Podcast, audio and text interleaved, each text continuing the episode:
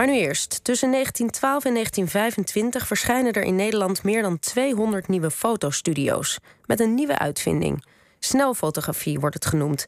En daarmee wordt het voor veel meer mensen mogelijk om gefotografeerd te worden. Hoe groot was de impact van de snelfotografie en welke verhalen gaan er schuil achter de foto's?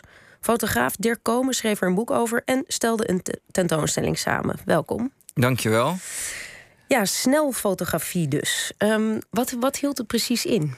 Um, ja, ik wil eerst even zeggen, het onderzoek naar snelfotografie eh, is samen met Roman Kiet. En de tentoonstelling is samen met Roman Kiet en Jennifer Ras. Uh, uh, want even voor de volledigheid. Mhm. Snelfotografie hield eigenlijk in. tot snelfotografie was, snel, was fotografie een portret laten maken best duur. Uh, en was ook best traag. En uh, met het verlaten van die 19e eeuw uh, bundelden Amerikaanse zakenmannen alle goedkope elementen van fotografie tot een nieuw systeem. tegelijkertijd kwam de elektriciteit op. Waardoor er in studio's geen daglicht meer nodig was, maar kunstlicht beschikbaar was. Waardoor de studio heel lang open kon blijven. En uh, wat er ook gebeurde was dat je dat kunstlicht kon gebruiken bij, uh, uh, bij het afdrukken van de foto's. Nou, in snelfotografie uh, uh, die, dat systeem werd door Duitse zakenmannen werd dat gebundeld tot een heel handig systeem. En dat werd verkocht aan allerlei mensen. Uh, in het begin vooral niet-fotografen. en die konden daar voor heel weinig geld heel snel foto's mee maken. Dus je had binnen een dag, twee dagen had je je portretje in tegenstelling tot wat eerder was. En het werd veel goedkoper.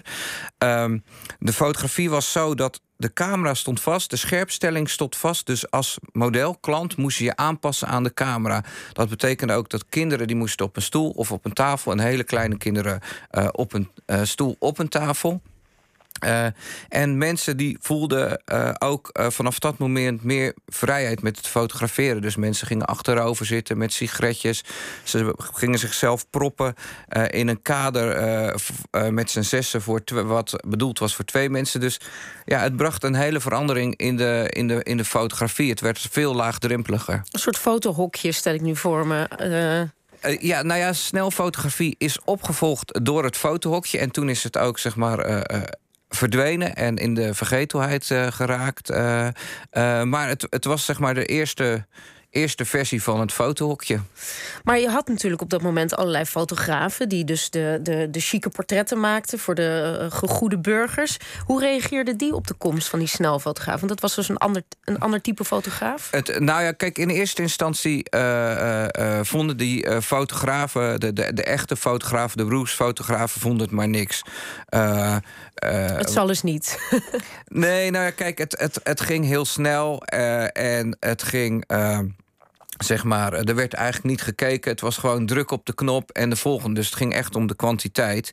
Uh, en niet over uh, hoe mensen erop stonden. niet hoe het licht was. En in de, waren bij de, zeg maar, de, de, techniek was eenvoudig. Maar de uitvoering was best wel simpel. Dus heel veel van die niet-fotografen die het gingen doen... die kwamen ook met slecht belichte foto's. Onscherpe foto's. Mensen die buiten het kader stonden. Dus die, die, die, die, die echte fotografen vonden het maar niks. Maar ja, uiteindelijk zijn die toch overstag gegaan en toch uh, ook snel de fotografie aan gaan bieden. Uh, en dat verschilde een beetje, maar je had in Middelburg had je een, fotograaf, Cornelis Henning, die bekend stond om zijn hele mooie foto's. Uh, en die heeft zich lang verzet. En toen hij het wel ging doen, toen heeft hij een aparte ingang gemaakt bij zijn fotostudio voor de snelfotografie, zodat dat niet vermengd zou raken. En zelfs in advertenties in kranten, dat je aan de ene kant zeg maar zijn echte werk en aan de andere kant stond dan een advertentietje voor de snelfotografie. Dus maar hij dacht toch van ik kan niet achterblijven. Nou ja, kijk, ja, op een gegeven moment dan gaat het zo hard en dan, ja, dan moet, je, moet je gewoon uh, meegaan.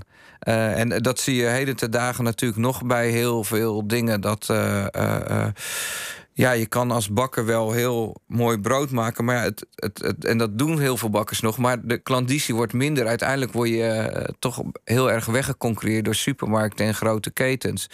En dat was bij uh, snelfotografie ook. En dan, ja, dan is de keuze van. Uh, verdwijn ik of ga ik, ga mee? ik mee? En wat deed het nou met de gewone burger die opeens zichzelf kon laten fotograferen? Was dat ja, was dat echt een soort nieuwe trots? Ik kan me voorstellen dat het best iets doet met je, ja, ook met het zelfbeeld. Nou, de, de gewone burger liet zichzelf daarvoor ook wel fotograferen hoor. Maar dan was het echt uh, één of twee keer in je leven, zeg maar, als kind, als je ging trouwen, uh, dat soort zaken. en dat was dan een heel duur portretje. En nu werd het heel goedkoop. Ehm, en uh, wat er gebeurde is dat mensen het zeg maar gewoon gingen doen. Dus je ging de stad in en je ging jezelf fotograferen. Je liep er langs en je liet even een foto maken. Je kreeg ook uh, drie stookjes met uh, vier foto's. Um, nee, zeg ik verkeerd. Je kreeg vier strookjes met drie foto's. En die kon je knippen en die kon je ruilen met mensen en opsturen. Dus ja, het, het, het werd gewoon veel meer gemeen goed. En hoe heb jij, want je hebt dus een enorme verzameling aangelegd van die snelfotootjes. Uh, ja.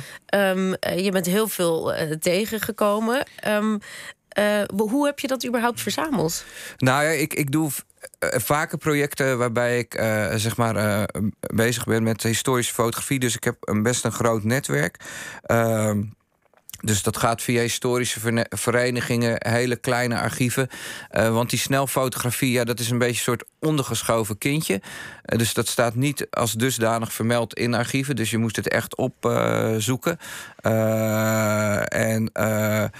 Uh, ja, dus en, en, en, je moet gewoon bij mensen gaan kijken en oproepen in kranten, uh, op de radio, uh, op via een Facebookpagina. En dan langzaam ontdekken allerlei mensen van zeg maar dat ze snel foto's hebben. En, dat is, ja, dat is uiteindelijk... en dan zie je ook dat sommige mensen zich heel vaak laten fotograferen, bijvoorbeeld? Ja, er is één man en dat is een serietje. En, en of een serietje dat die man heeft zich jong laten, van jong tot oud laten fotograferen, dus over een langere periode. Maar als schaatser, uh, als trombonespeler, als soldaat, uh, in een keurig pak, uh, met een pet op. en dan zie je heel veel karakters die hij eigenlijk heeft. En, dat, en, was er toen, want nu is er natuurlijk enorme, uh, ja, veel discussie over alle selfies die we de hele tijd aan het maken zijn van onszelf. Dat dat leidt tot een soort van ongezonde ijdelheid. Was die discussie er toen ook? Dat, daar heb ik uh, niet op gezocht. Uh, ik, ik, nee, ik, ik, ik weet niet. Uh, de, ik weet dat heel veel mensen zeg maar, de kwaliteit van de foto's niks vinden, vonden. Maar of ze zeg maar, iets over ijdelheid dachten, dat weet ik niet. Maar je stuit wel via die foto's op allerlei verhalen. Dat is ook grappig, een grappige manier om een beetje dat leven van die periode te bekijken. Wat, wat voor verhaal blijft jou, is jou bijgebleven? Nou, er zijn heel veel verhalen die, die, die me bij zijn gebleven. En wat me ook heel erg opvalt, is dat eigenlijk niks is veranderd. Wat bedoel je daarmee? Nou, je hebt dan uh, uh, verhalen over mensen die uit het buitenland komen, die hier in de politiek gaan en waarvan gezegd wordt: rot op naar je eigen land, simpel gezegd.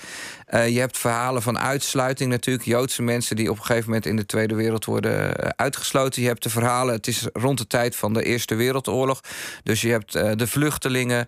de dreiging van oorlog, maar ook de tekorten aan, aan meel, aan metaal. Ehm, en je hebt een studio in, uh, uh, in Den Haag in de Vlamingstraat. En daar zat een fotograaf in. En drie uh, weken of, of, of, drie of vier weken nadat hij was geopend, verschenen er in de krant berichten van. Stuur niet alleen uw kinderen naar deze studio. win eerst inlichting in, in bij de commissaris. En vervolgens. Uh, uh, Want? Nou, nou ja, er zouden dingen gebeuren op zedelijk gebied. En uh, nou ja, dat hielp allemaal niet. En daarna verschenen er weer advertenties van stuurt niet uw kinderen en vrouw alleen de winkel in of de studio in. en dan plaatsen ze zelfs een politiepost voor de fotograaf. Uh, uh, om mensen te waarschuwen om daar niet naar binnen te gaan. Nou, dan ontstaat er ook. Uh, dan, het zijn hele leuke artikelen. Want die fotograaf die verlaagt dan zijn prijs en die. hoe heet het? maakt smalende glossen naar de dienders. Ehm, maar uiteindelijk vertrekt hij en dan begint hij ergens verderop weer een studio. En dat, ja, dat is dan toch weer een beetje zo'n MeToo-verhaal. Ehm, en, en zo, hebben, ja, zo, zo heb je heel veel, uh, veel verhalen over, uh, over mensen die, die, die, die allerlei dingen meemaken die, die, die, die best wel van invloed zijn Dus het is een soort raam op een andere tijd. Via die fotootjes kom je eigenlijk bij het, het, leven van de gewone man. Ja, nou ja, dus de, de, soms de gewone man. Uh, je hebt ook Sikko Manselt, uh, die zit er ook tussen.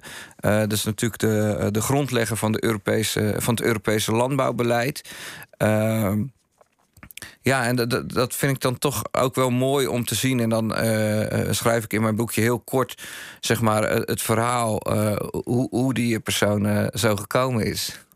Ja, dus het zijn mooie uh, kleine portretten uh, in, in het boek. En dat is ook waarom en in niet de tentoonstelling. En in de tentoonstelling, ja. Want Dirk Komen bedankt. Het boek heet dus Snelfotografie de Rage van 1912 tot 1925. En de tentoonstelling in het Nederlands Fotomuseum in Rotterdam... Uh, die Dirk Komen met Roman Kienje samenstellen... is nog tot 10 september te zien. Ja. Hartelijk dank. Dankjewel.